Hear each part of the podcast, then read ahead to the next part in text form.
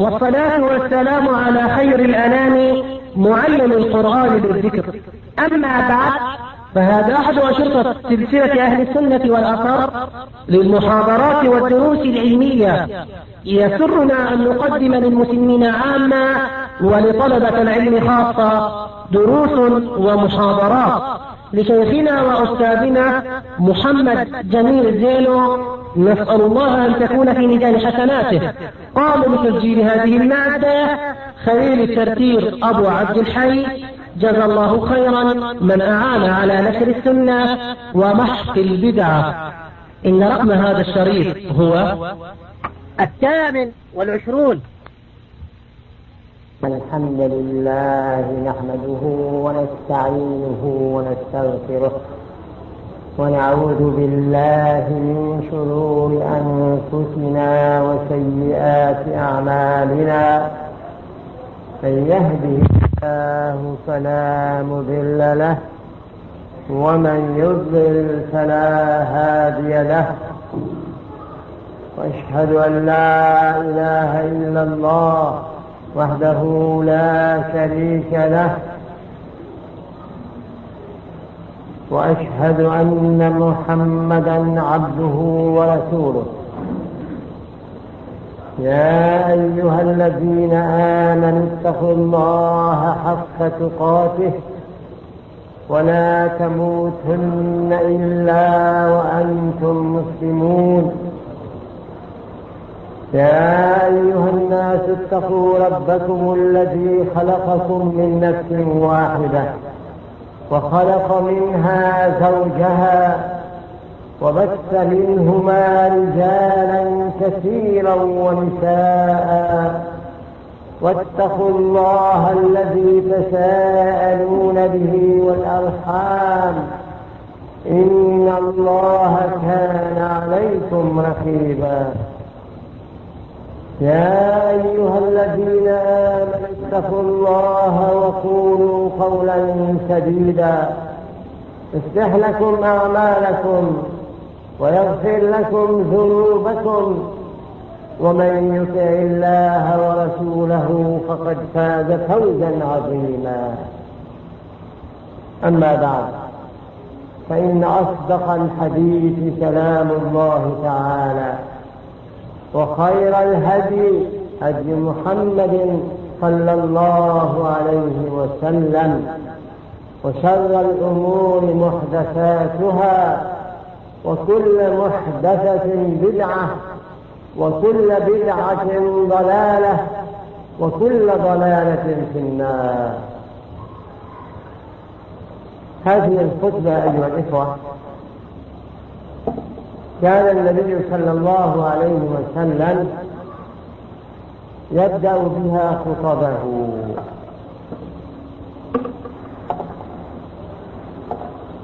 فعلى الخطباء أن تحافظوا على هذه السنة. ومن علامة محبته صلى الله عليه وسلم أن يبدأ الخطيب أو الواعظ بهذه الخطبة التي كان يبدأ بها خطبه صلى الله عليه وآله وسلم. أيها الإخوة أرحب بكم في هذا البيت الذي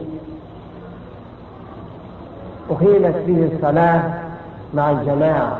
والحمد لله رأيت شبابا يهرعون إلى الصلاة ويؤدون هذه الصلاة مع الجماعة في أوقاتها. وهذا من محبته صلى الله عليه وسلم أن يحافظ الإنسان على صلاة الجماعة. من سمع النداء فلم يجب فلا صلاة له إلا من عذر. فعلينا أن نحافظ على هذه الصلوات ولا سيما صلاة الفجر. كثيرا ما نرى في صلاة الفجر عدد قليل من المصلين. لماذا يا أخي؟ كان المسلم أن يأخذ الاحتياط وأن يؤدي صلاة الفجر مع الجماعة. أولا أن لا يسهر كثيرا. كان النبي صلى الله عليه وسلم ينام أول الليل ويحيي آخره. ينام مباشرا ثم يقوم قبل الفجر للتعبد. وهناك حديث صحيح ورد عن النبي صلى الله عليه وسلم عندما يستيقظ الإنسان يقول هذا الحديث وهذا الدعاء. هذا الحديث يقول النبي صلى الله عليه وآله وسلم من تعار من الليل أي استيقظ قبل الفجر. من الليل. فقال لا إله إلا الله وحده لا شريك له له الملك وله الحمد يحيي ويميت وهو على كل شيء قدير. سبحان الله والحمد لله ولا إله إلا الله والله أكبر ولا حول ولا قوة إلا بالله. اللهم اغفر لي فإن دعا استجيب له فإن توضأ وصلى قبلت صلاته. رواه البخاري. فعلى المسلم الذي يحب النبي صلى الله عليه وسلم أن يقوم قبل الفجر. إما بمنبه أو بأي واسطة تستيقظ. وعند استيقاظك تبدأ بهذا الحديث وهو التوحيد. لا إله إلا الله. هذه الكلمة الطيبة ما معناها أيها الإخوة؟ كثير من الناس يقولون لا إله إلا الله.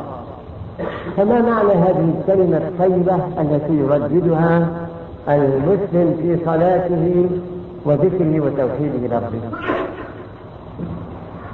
من منكم يعطي أكبر عدد ممكن من الموجودين أكثر أريد أكثر من هذا العدد.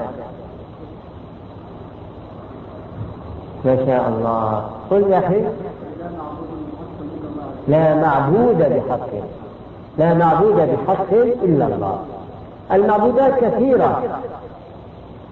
في الهند يعبدون البقر والوثنيون يعبدون الأوثان. وبعض المسلمين هداهم الله يعبدون الأولياء والأنبياء يدعونهم من دون الله. لا يا أخي المسلم أنت مسلم تدعو الله. لماذا تدعو غير الله؟ يا رسول الله مدد يا جلال يا رفاعي يا قل إنما أدعو ربي ولا أشرك به أحدا. قل يا محمد لأمتك أنا أدعو ربي وحده لا شريك له ولا أشرك به أحدا. وقد ورد في الحديث قوله صلى الله عليه وسلم الدعاء هو العبادة. رواه الترمذي وقال حديث حسن صحيح. ورواه غيره. فإذا كان الدعاء عبادة فهو كالصلاة. فكما أن الصلاة لا تجوز لرسول ولا لنبي ولا لولي فكذلك الدعاء لا يجوز لولي ولا رسول ولا نبي. بل هو خاص بالله لأنه عبادة. والعبادة لا تجوز إلا لله. وأن المساجد لله فلا تدعوا مع الله أحدا. الله أكبر. هذه المساجد بيوت الله. لا تدعوا أيها المسلمون مع الله أحدا. ولا تشركوا مع الله أحدا. ومن علامات محبته صلى الله عليه وسلم أن نربي أولادنا على التوحيد. الذي علمه الرسول صلى الله عليه وسلم لابن عمه عبد الله بن عباس. قال النبي صلى الله عليه وسلم تقول ابن عباس يحكي عن نفسه كنت خلف النبي صلى الله عليه وسلم يوما على الدابة. فقال لي يا غلام شوف العبارة ما صفت شوف التواضع. النبي صلى الله عليه وسلم يكتب الأطفال خلفه يشجعهم ويحترمهم ويعلمهم. فقال لي يا غلام شوف كلمة لطيفة. مداعب يا غلام انتبه بدي أعطيه شيء وصية. يا غلام إني أعلمك كلمات لا أطيل عليك كلمات قليلة.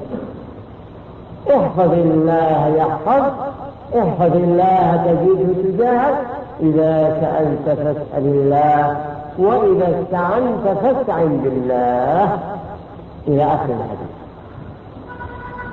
فهذا الحديث يؤخذ منه فوائد. أولا كما قلت لكم أن النبي صلى الله عليه وسلم كان يحب الأطفال ويسيبهم خلفه. فنحن أيها الإخوة أيضا نحب الأطفال ونسيبهم معنا في السيارة أو نسلم عليهم على الأقل كنت آتي من المسجد فرأيت أطفالا. كان يسلم على الصبيان. السلام عليكم ورحمة الله وبركاته. وقف الصبيان؟ الشيخ يسلم علينا. قال وعليكم السلام ورحمة الله وبركاته. يشعر هذا الطفل أنك تحبه. فينشأ على حب الإسلام والملتزمين فإذا رأيت طفلا على المسجد فسلم عليه وادعه إلى الصلاة في المسجد بوجه مبتسم سواء كان طفلا أو رجلا. السلام عليكم ورحمة الله وبركاته. تعال يا أخي إلى هذا المسجد تعال يا بني إلى الصلاة. هيا. وأنت تبتسم في وجهه تبسمك في وجه أخيك. صدقة هذا الحديث. باللطف وبالإحسان. لا بالسكن ولا بالكلام القاسي أبدا. كنت مرة داخلا إلى مسجد. فرأيت شابا؟ فدعوته إلى الصلاة. قال أنا لا أصلي. ولماذا يا أخي؟ ألست مسلم؟ قال نعم مسلم. ولكنني كنت مرة في المسجد فرآني أحد المصلين فضربني وأخرجني من المسجد بشيء. قلت خلاص أنا لا أصلي بعد ذلك اليوم أبدا. فترك الصلاة هذا الشاب. من المتسبب لترك هذا الشاب الصلاة؟ هذا الجاهل الذي أخرجه من المسجد. وضربه لا يا أخي مسلم هذه المساجد بيوت الله. ليس لك الحق أن تخرج منها أحدا. لو فرضنا رأينا شابا أو طفلا أخطأ. تعال يا حباب أنت محترم تعال إلى شف إلى المسجد ارفع يديك وضع يديك على صدرك تعال تعلمني يا أخي. لما هذه القسوة؟ قلت لا هذا أخطأ. تعال أنا أحبك وأنت محترم وأنت شاب تعال إلى الصلاة. وهكذا أحد الفنادق كنت في فندق ودعوت أحد الأشخاص. قال أنا لا أعلم أصلي قلت أنا أعلمك الصلاة؟ تعال. وإذ به يقول ويأتي معي إلى المسجد تعلمت وضوء الصلاة. هذا الواجب على كل مسلم يا إخوان.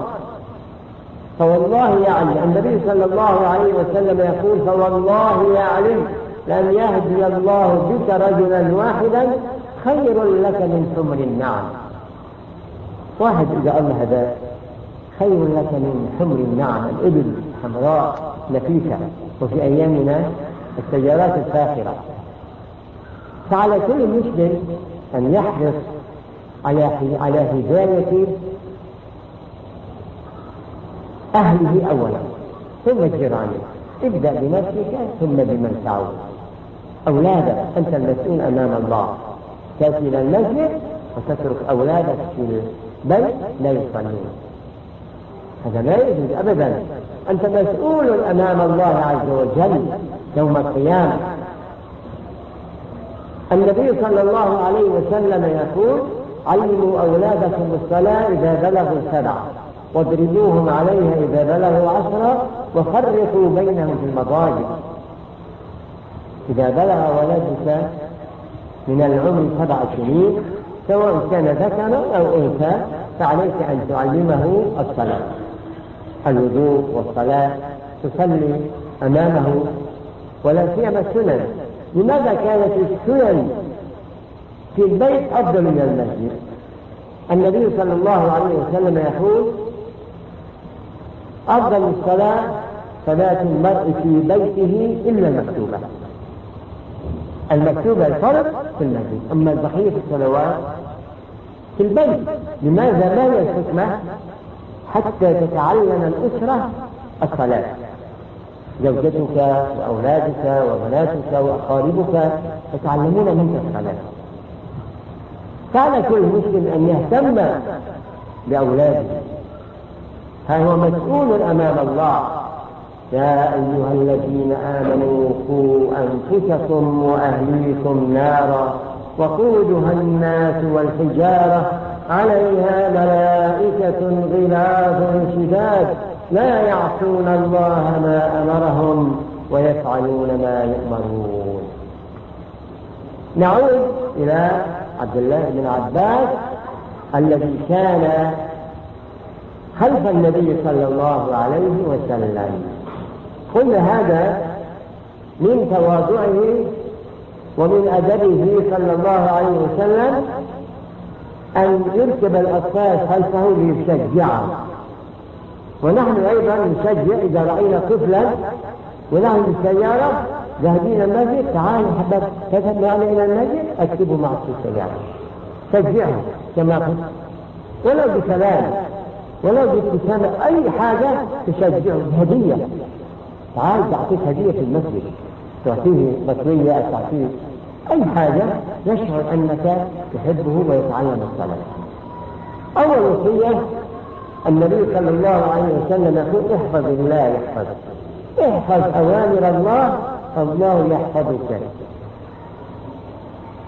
احفظ احفظ الله يحفظ احفظ الله تجد تجاهك إذا حفظت الله عز وجل وسألته ودعوته وأفردته بالعبادة والدعاء تجد هذا هذه الإجابة أمامك سوف يستجيب دعاء إذا سألت فاسأل الله وإذا استعنت فاستعن بالله. هذه أول وصية علمه التوحيد يغرس في نفسه التوحيد حتى ينشأ موحدا لا يشرك بالله شيئا. سواء كان صبيا أو بنتا هذا عام لجميع الأولاد. ثم قال له واعلم أن الأمة لو اجتمعت على أن ينفعوك بشيء لم ينفعوك إلا بشيء قد كتبه الله عليك. بس. وإن اجتمعوا على أن يضروك بشيء لم يضروك إلا بشيء قد كتبه الله عليك. رفعت الأقلام وجفت الصحف. يغرس عقيدة التوحيد وعقيدة الإيمان بالقضاء والقدر. في نفس هذا الطفل حتى ينشأ هذا الطفل موحدا مؤمنا بالقضاء والقدر نعم نحن نؤمن الإيمان بالقدر ركن من أركان الإيمان ما هي أركان الإيمان أيها الإخوة؟ من منكم يعدها لي؟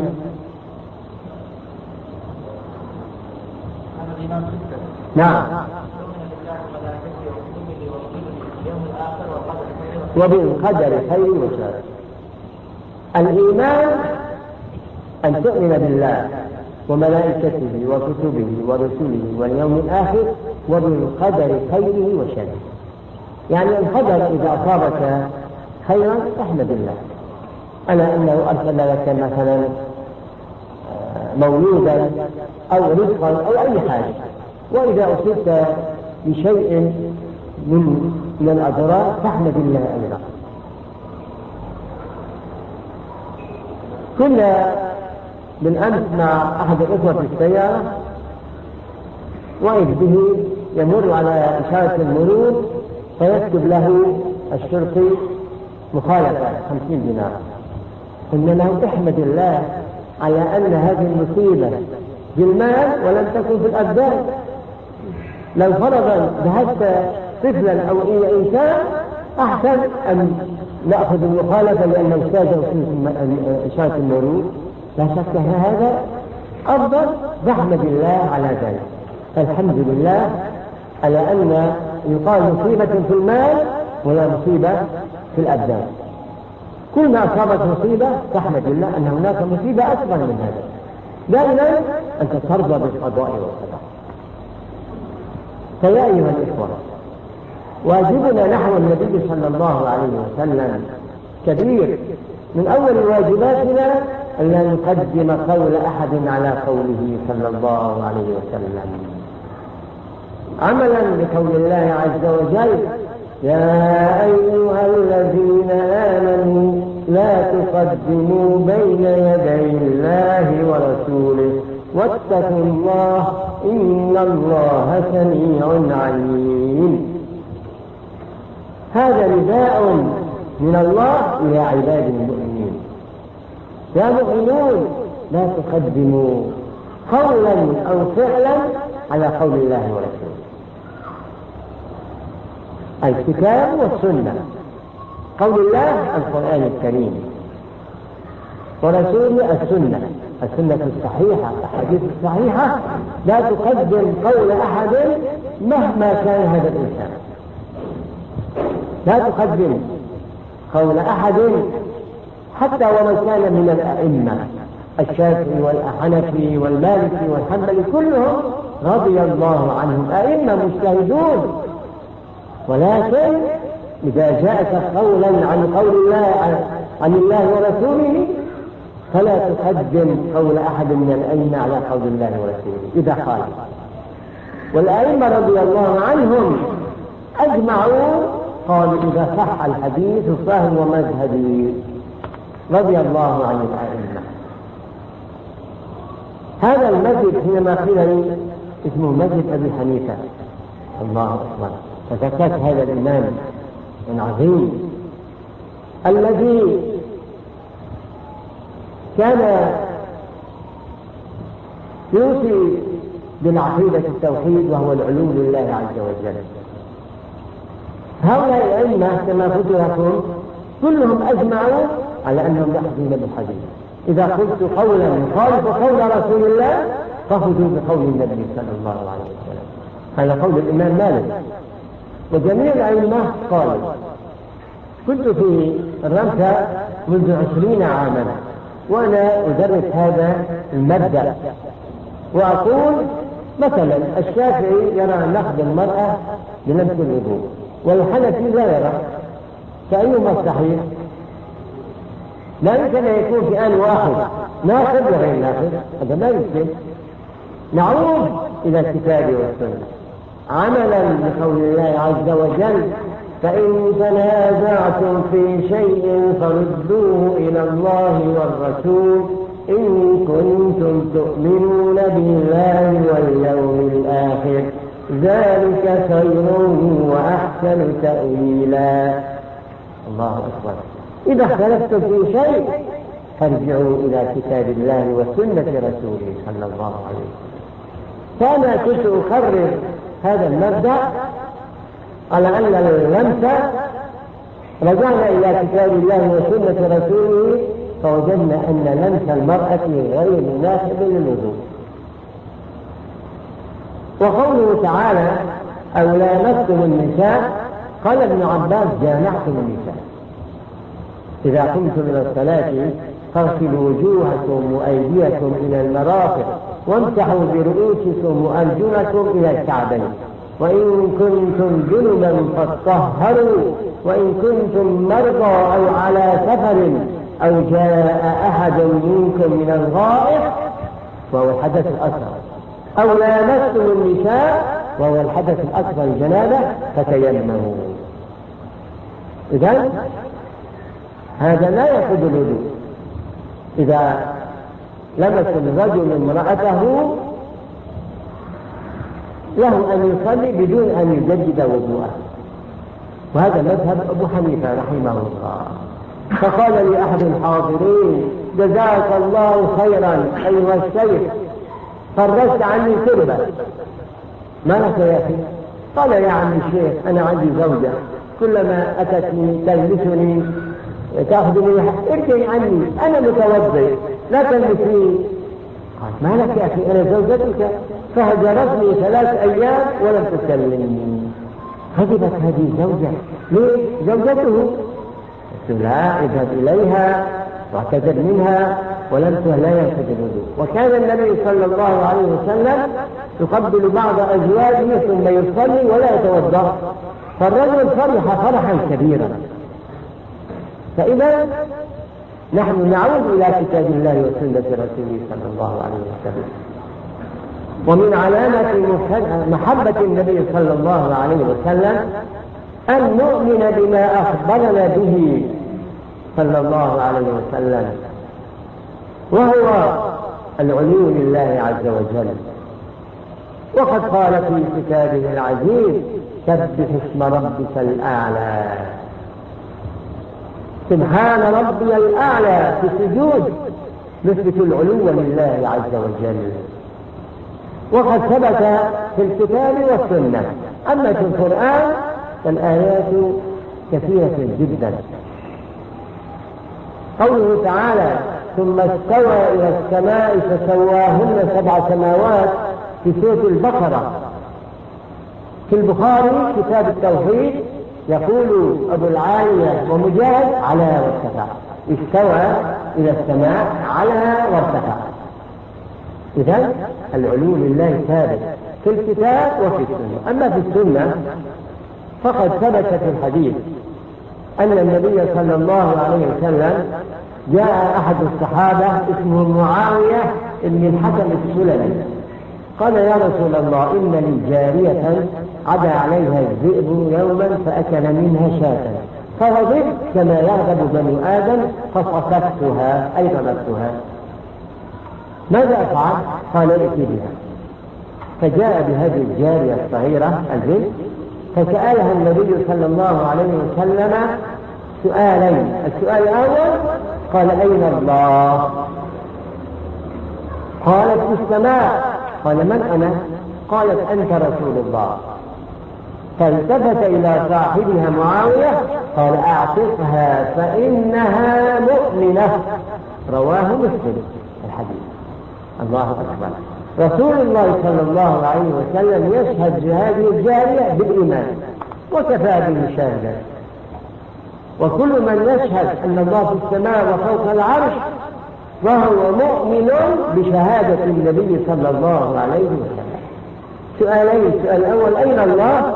قالت في السماء. وفي السماء أيها الإخوة معناها على السماء. وفوق السماء وليس معناها داخل السماء كما يفهم بعضهم. لا خطأ كبير.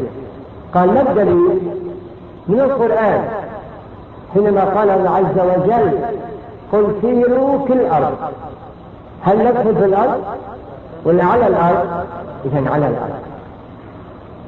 إذا في تأتي بمعنى على. وآية أخرى فرعون قال لأتباعي لقوم موسى لأصلبنكم في جذوع النخل يعني بده يحطنا يعني ولا في جذوع يعني في الداخل.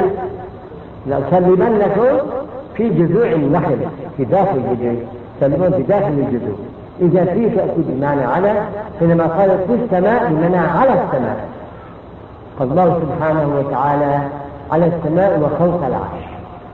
وقد صح عن النبي صلى الله عليه وسلم أنه قال إن الله كتب كتابا إن رحمتي سبقت غضبي فهو مكتوب عنده فوق العرش.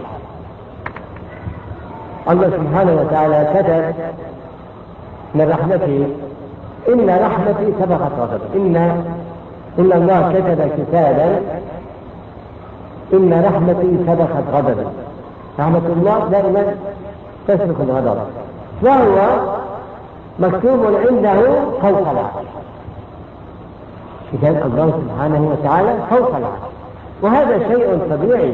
حينما يدعو الإنسان ماذا يفعل؟ هل يرفع يديه السماء إلى الأرض؟ وبهذه المناسبة أيها الإخوة ندعو اللهم انصر إخواننا في الشيشان والمجاهدين في كل إلى السماء. هذا دليل على عدو الله. فهذا نعود إلى أبي حنيفة. هون الشاهد؟ أنت تذكرت حينما رأيت هذا المسجد. تذكرت قول أبي حنيفة كما ذكره شرح عقيدة الطحاوية. سئل الإمام أبو حنيفة. من قال لا أعرف ربي في السماء في الأرض. وين بدأ قال هو كافر. أن الله يقول الرحمن على العرش استوى. الله أكبر. أبو حنيفة لما سئل رحمه الله رضي الله عنه سئل أبو حنيفة عن رجل كثير من الناس أين الله؟ لا أعرف. في السماء وفي الأرض هو يقول أبو حنيفة هو كافر لأن الله يقول فدل بالآية الرحمن على العرش استوى. وسئل عن من قال لا أعرف العرش في الأرض أو في السماء. قال هو كافر لأن الله عرش لأن عرش الله فوق السماء وهو يدعى من أعلى لا من أسفل شوف هذا المثال يدعى من أعلى ولا ولا يدعى من أسفل. هذا ذكره شرح العقيدة الصحاوية موجود هذا الكلام لأبي حنيفة رحمه الله. فنحن إن شاء الله نأخذ بكلام الله وسنة رسوله وكلام الأئمة ونعلم أولادنا إثبات العلوم لله عز وجل وقصة الجارية التي علمها النبي صلى الله عليه وسلم. وفيها فوائد. أولا الصحابي قد يخطئ. هذا الصحابي أخطأ مع جارية وفككها وضربها. هذا خطأ. جارية صغيرة عرف بعد ما ضربها. جارية صغيرة لماذا ضربتها؟ عاد إلى رشده. قال سآتي رسول الله صلى الله عليه وسلم وأسأله عن هذا الحكم. فجاء وقال له إن لي جارية عدا عليها الذئب فغضب فصفدتها حرب غضب. فقال له النبي صلى الله عليه وسلم انتبه إذا الصحابة كانوا يحتكمون إلى من؟ إلى النبي صلى الله عليه وسلم في كل أمورهم. فلا وربك لا يؤمنون حتى يحكموك فيما شجر بينهم ثم لا يجدوا في أنفسهم حرجا مما قضيت ويسلموا تسليما. الله أكبر. أيها المسلم لست بمؤمن إذا لم تحتكم إلى كتاب الله وسنة رسوله وتسلم تسليما. ثم قال له ائت بها. هذا دليل على أن الرسول صلى الله عليه وسلم لا يعلم الغيب. ولو علم الغيب لقال له أعتقه لا. قال عز وجل عن لسان النبي صلى الله عليه وسلم ولو كنت أعلم الغيب لاستكثرت من الخير وما مسني السوء إن أنا إلا نذير وبشير لقوم يؤمنون. إذا أطاعه الله على شيء من المغيبات ممكن لقوله تعالى عالم الغيب فلا يظهر على غيبه أحدا. إلا من ارتضى من رسول فإنه يسلك من بين يديه ومن خلفه رصدا. لا يقع على غيبه أحدا إلا إذا ارتضى رسولا فيصلحه وقت الحاجة. لكن بصورة عامة لا يعلم هذا. قل لا أقول لكم عندي خزائن الله ولا أعلم الغيب. القرآن يا أخوان. فإذا بها دليل على أن على أن النبي صلى الله عليه وسلم لا يعلم الغيب فلما جاءت هذه الجارية وأحضرها فسألها النبي صلى الله عليه وسلم بده يختبرها في إيش؟ في التوحيد. لذلك البخاري عنوان لهذا قوله تعالى ثم استوى إلى السماء فسواهن قال كتاب التوحيد هذا إثبات العلوم لله عز وجل من التوحيد.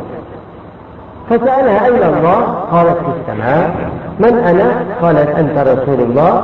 فالتفت إلى صاحبها وقال أعطفها فإنها مؤمنة. شهد لها بالإيمان بعد أن سألها سؤالين وأجابت هذه الجارية الصغيرة بجواب صحيح. فعلينا أن نقص هذه القصة على أطفالنا ونعلمهم توحيد الله وأن الله في السماء وفوق العرش كما استنبطنا من هذه القصة التي ذكرناها. ومن علامة محبته صلى الله عليه وسلم أن نكون أن نرفق بالدعوة أن ندعو إلى الله ولكن بالرفق عملا بقوله عز وجل ادع إلى سبيل ربك بالحكمة والموعظة الحسنة وجادلهم بالتي هي أحسن. يا محمد خطاب النبي صلى الله عليه وآله وسلم. قل اللهم صل على محمد. الله أكبر. من صلى عليه مرة واحدة. صلى الله عليه بها عشرا. فعلينا أن كلما ذكر اسمه صلى الله عليه وسلم. وعلامات محبته صلى الله عليه وسلم أن ننفذ أمره ونقتدي به في أخلاقه. أن نرفق بالدعوة. الفضل رأيت في إربد أحد الإخوة يحرس اللحية فأنا سألته قلت له الكريم قلت له أنا في مكة قلت لأحد الإخوة المسلمين هل تحب النبي صلى الله عليه وسلم؟ قال نعم أنا أحب النبي كثيرا. قلت النبي صلى الله عليه وسلم يقول جزء الشوارع كلها. فالذي يحب النبي يطيع أم يخالفه؟ قال يطيع قلت أين اللحية؟ قال النبي صلى الله عليه وسلم بده اللحية. قلت له أيوة. قال على رأسي وعيني. وضع يده على رأسي وقال على الرأس والعين. ما شاء الله ما شاء الله. شوف شوف. إنما كان قول المؤمنين إذا دعوا إلى الله ورسوله ليحكم بينهم أن يقولوا سمعنا وأطعنا وأولئك هم المفلحون. الله أكبر. واحد ثاني قلت له نفس القصة. قال لي أنا عم تقول لي قلت له لا عم بحكي لك عن واحد. شوف من الحكمة. ما تقول له أنت يا أخي شايف ما بتكلم لا بحكي عن شخص هو فهيم بفهم إنه الحكمة أن تستجيب إلى ما أمر به النبي صلى الله عليه وسلم. واحد أيضا مثلا لا يصلي. نحن نقول لا أنت في خير. أنت تحب النبي صلى الله عليه وسلم؟ نعم. النبي أمر بالصلاة وكذا وكذا. فنحبه ونأتي به إلى المسجد ونعلمه الصلاة. أما الشدة والغيظة فلا يجوز لمسلم أن يستعملها أبدا. خالف قول الله عز وجل ادع إلى سبيل ربك بالحكمة. وضع في محله والموعظة الحسنة كلام الجميل اللين ادع إلى سبيل ربك بالحكمة والموعظة الحسنة وجادلهم بالتي أحسن. الضمير عائد بمين هو جادلهم. للمشركين أخوان إذا ورد في الحديث إذا تتابع أحدكم فليضع يده على فمه فإن الشيطان يدخل. لاحظ؟ أيوة. أحد الإخوة إذا تساءل في غير الصلاة خلف الصلاة بالذات فأتم فكر عن المدخل يدخل فإن الشيطان يدخل. هذه حكمة عظيمة. وفي شيطان وحشي في شيطان جني قد يكون فتح فمه هذه دخل الذباب الحشرة كانت ثم مفتوح ودخلت وسببت له خمس ربما يختلف. شوف الإسلام حريص على صحتك فلا تفتح فمك وأن إلا وأنت تضع يدك على فمك. هكذا علمنا رسول الله صلى الله عليه وسلم فعلامات محبته أن نفعل ما أمرنا به فنضع أيدينا على خينا أين؟ تساوي. أما إذا كان في الصلاة فماذا نفعل؟ يختلف الحكم. الحديث في الصلاة يقول إذا تتابع أحدكم في الصلاة إذا تتابع أحدكم في الصلاة فليكرر فمه ما استطاع. يعني لا تحط إذا عن الصلاة لا تعمل هيك شوف الحكمة. ماذا يفعل؟ حاول أن يكفل فمه ما استطاع. إذا يختلف. خارج الصلاة فضع يدك على فمك لأنه أنت الصلاة. أما في الصلاة فتحاول أن لا تفتح وأيضا يقول لا فلا يتثاءب أحدكم. أيضا خارج الصلاة فلا يقول ها ها فإن الشيطان يضحك منه. كذا آه يعني. قل له لا لا الشيطان يضحك منا. الحديث لا يقول. شوف يا إخوان شوف الفكرة. دائما نتأدب بآداب الإسلام. والإسلام كله خير. إذا جادل المشركين جادلهم بالتي أحسن جادل المشركين بالتي أحسن. فغير المشركين بالأولى أي إنسان جاءك؟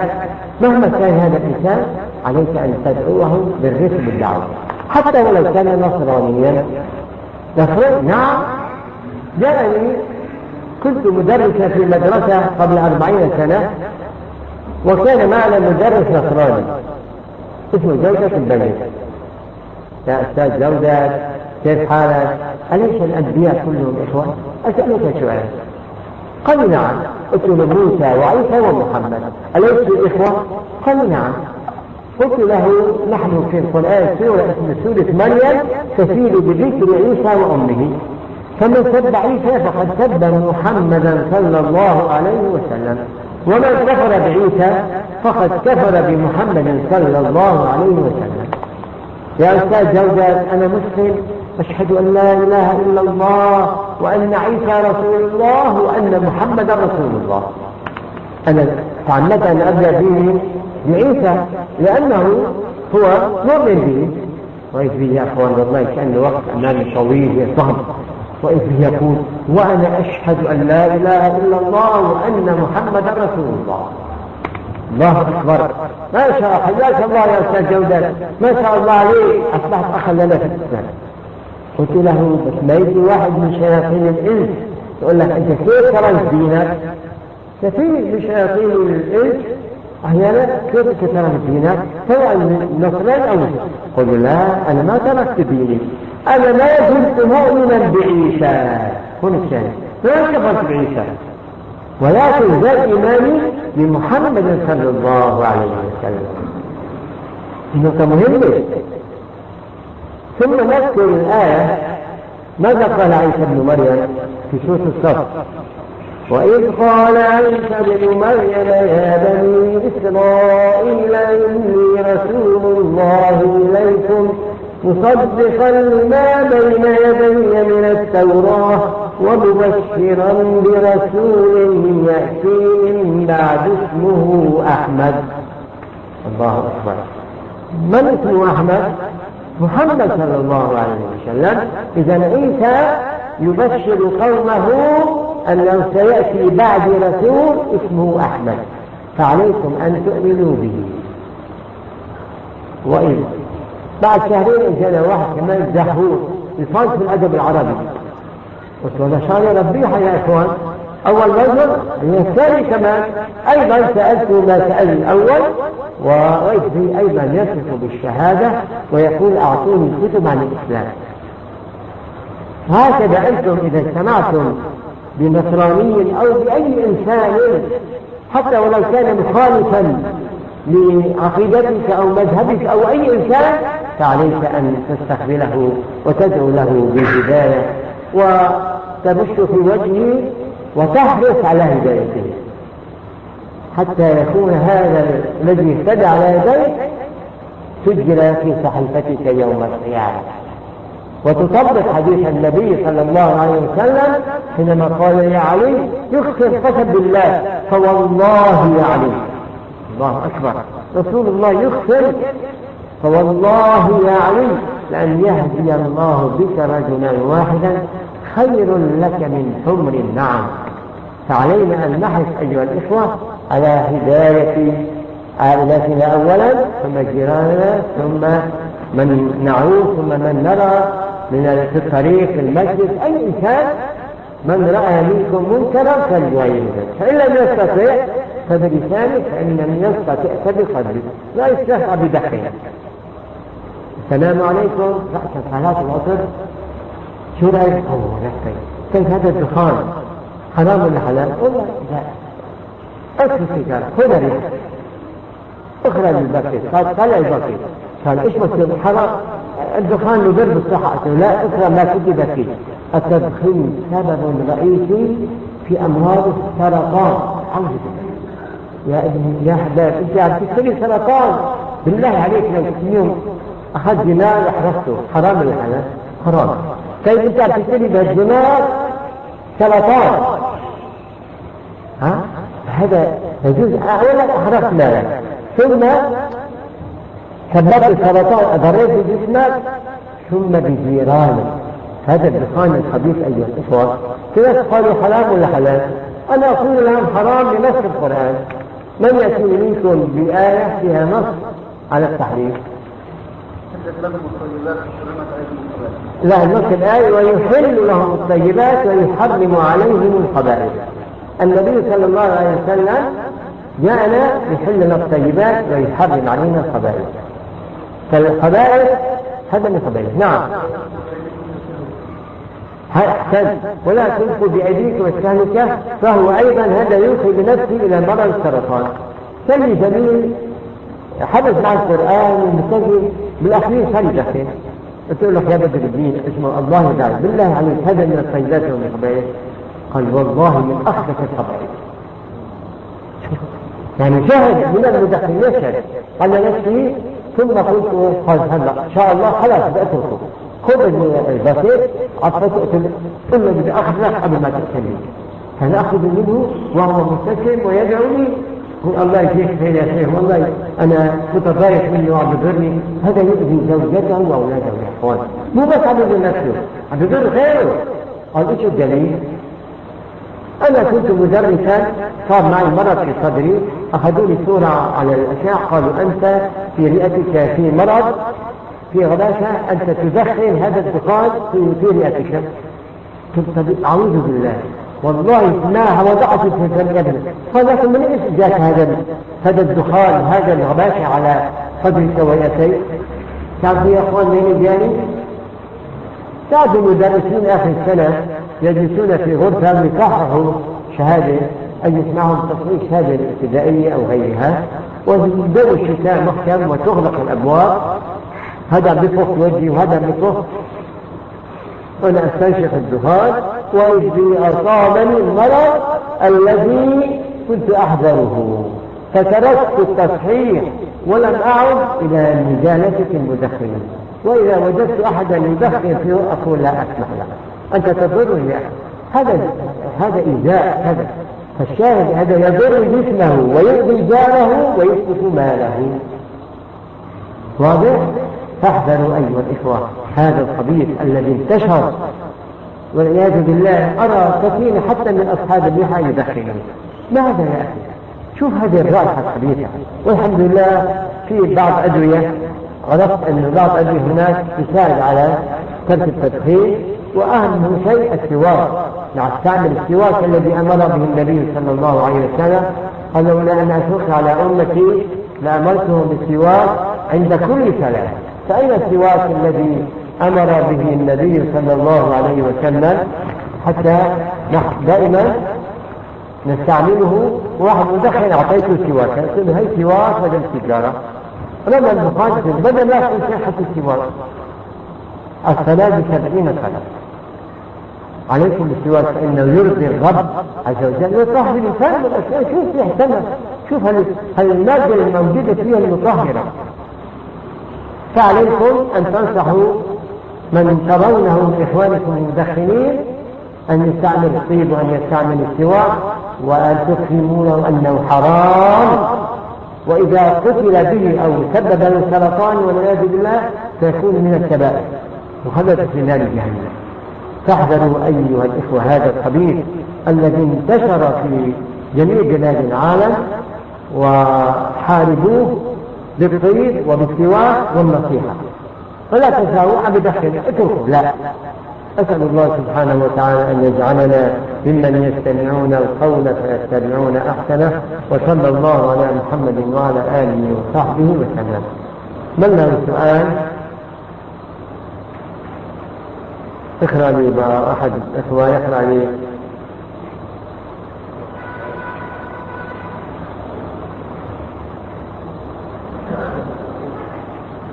ما رأيكم في النقاط هل هو النقاب؟ نقاب المرأة يعني؟ إيه. هل هو فرض؟ أيوه. حسب تختلف حسب الأزمان. النقاب يكون واجب ولا سيما عند الفتنة. عند الفتنة المرأة إذا بلغت العشر أو الزيادة أو الحلم فعليها أن تضع النقاب على وجهها خوفا من الفتنة. ولا سيما أيها الإخوة هذه المساحيق التي تضعها المرأة على وجهها. ما يجيز من أحد العلماء أن تضع المرأة هذه المساحيق وتخرج إلى الشارع؟ حتى ولو وضعت على راسها ما هذا يا أخي كنت في مستشفى مدينه حسين عندي مريض وجدت ممرضة تتزين على وجهها. أنا قلت لا يا أخي يخشى الله تعالى يقول ولا يبدين زينتهن إلا لبعولتهن هذه المساحيق والزينة. يعني زوجك لا أنت جاي في المستشفى لا يجوز. خذ هاي هدية ان شاء الله فيك خير الف شكرا نعم شايفين يا أخوان؟ أنتم إذا رايتم كمان لا يجوز. مرأة أن انظر إليها. النبي صلى الله عليه وسلم قال حتى قال انظر إليها إلى وجهها فالمرأة من أين يعلم جمالها؟ من وجهها. فلا يجوز لامرأة تخرج إلى الشارع والناس ينظرون إلى وجهها ولا سيما والعياذ بالله إذا وضعت المساحيق والزينة أو لبست البنطال. هذا البنطال أيها الإخوة مصيبة سواء للرجال والعياذ بالله للنساء أولا يجسم العورة. ثانيا البنطلون في الأجنبي. هذا أجنبي تركوا الخراشين والعنزين هذا هذا اللباس تركه لنا المستعمر اولا تشبه ثانيا يجسم العورة. شوف واحد أمامك عم يصلي يكتب البنطلون ثالثا اغلب المناطيل زيادة عن الكعبين ما أسفل من الكعبين من الازار ففي النار لا يجوز. رابعا وجدت له ضررا صحيا. أنا جاي من مكه الباص يقول لي واحد يا عم الشيخ والله أنا هو أو شخص قريبه ما كان يجي أولاد. فراح الطبيب اكتشف إن هذا البنطلون هو السبب الذي يرد على الكلية على الحيوان المنوي. قالوا اخلع هذا البنطلون فخلعه واذ به هذا الرجل ينجب وتحمل زوجته. من المتسبب؟ هذا البنطلون الذي يضغط على الحيوانات المنوية فسبب له هذا المرض. الله أكبر. إذا أربع محاذير أيها الإخوة ولا سيما في الصلاة. إذا واحد مضطر في عمل أو شيء على الأقل لا يلبسه في الصلاة. إذا مضطر يدع البنطلون الواسع الذي وأين البنطلون الواسع؟ لا أجد ما وجدت يعني بنطلون. هذا واسع وين الواسع؟ تجد واحد عم بيركع وبيجلس شوف هذا المنظر. هذا اللباس الابيض هو الذي أمر به النبي صلى الله عليه وسلم ولا سيما في الصلاة. أما الثياب الملونة ففيها كراهة. النبي صلى الله عليه وسلم لبس خميصة لها أعلام خلعها قال انهتني عن صلاتي فأخذ العلماء أن كل ثوب أو سجاد فيه نقوش فهو مكروه لأنه ينهى عن فاحرصوا على أن تكون ثيابكم في الصلاة؟ لا قال ما يكون فيها نقوش أو أعلام. وخاصة هذه المساجد اللي فيها التلوين أنا أضع السجادة حاليا أمامي قال يكون فيها نقوش لأجل خشوع الصلاة. نعم. ما حكم تارك الصلاة وما رأيك بقول شيخنا ابن؟ حكم الصلاة ذكر اختلف العلماء اختلافا كبيرا. ولا لا يدري نحن نقول يختلف. هذا حكم الصلاة ينظر إلى هذا الإنسان.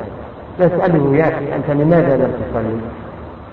إذا كفر واعتقد عدم وجوبها إيش الصلاة؟ إيش عبادة؟ إيش أنا لا أؤمن بها؟ هذه الصلاة كلها جحدها ولم يؤمن بها؟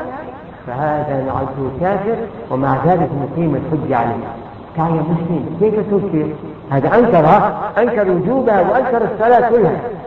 نعود نقول كافر تعال يا أخي الصلاة فرض يعني نقيم الحج عليه أيضا. أما إذا قال أنا أعتقد وجوبها ولكنني مقصر الله يهدي الله.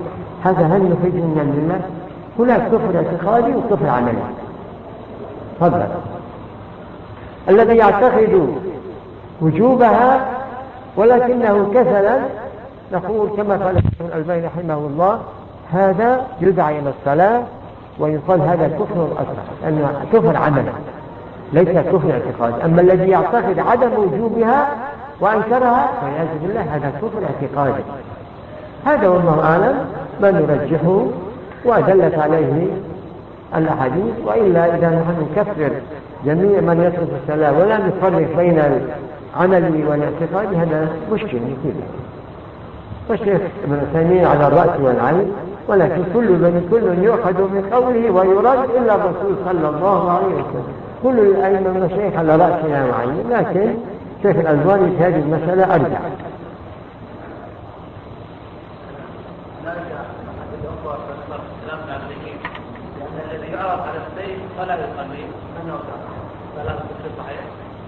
يعرض على السيف. أيوه. على هذا الذي على كما هذا عرض على السيف يدخل ويسع أن ينكر هذا هذا يعني معناه ما بده يصلي. يعني متناسب. لأنه الشخص الذي على الاقل نصلي يا أخي نحن يا إخواننا يعني ولو الفرق ما نقول تعال في سنة تعال ولو الفرق ادي الفروض صلاة عبادة ونظافة ورياضة يبين له حسن الصلاة حتى نحببه. أحسن من كفر بسعى الصلاة عبادة ونظافة ورياضة نعم.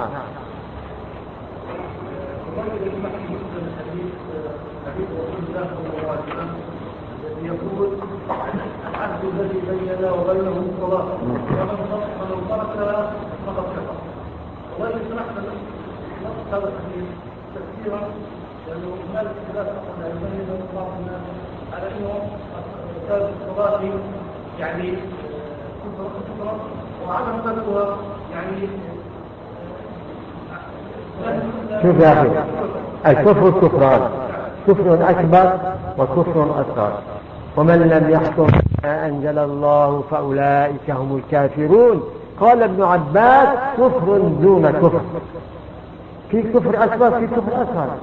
هذا ما قاله ابن عباس. ارجع إلى تفسير ابن كثير ترى هذا التفسير.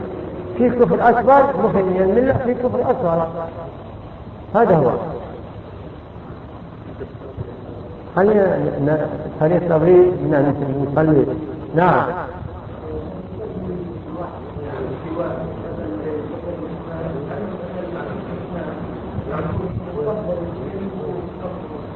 طيب إذا كان الفرشاة تستعمل بعض الطعام مثلا نوع الأكل بيستعمل فشاي مشان يعني آثار الأكل أو الطعام لا بأس. لكن عند الصلاة أهم شيء عند الصلاة. لولا أن أشق على أمتي لأمرتهم بالسواك عند كل وضوء وفي رواية عند كل صلاة.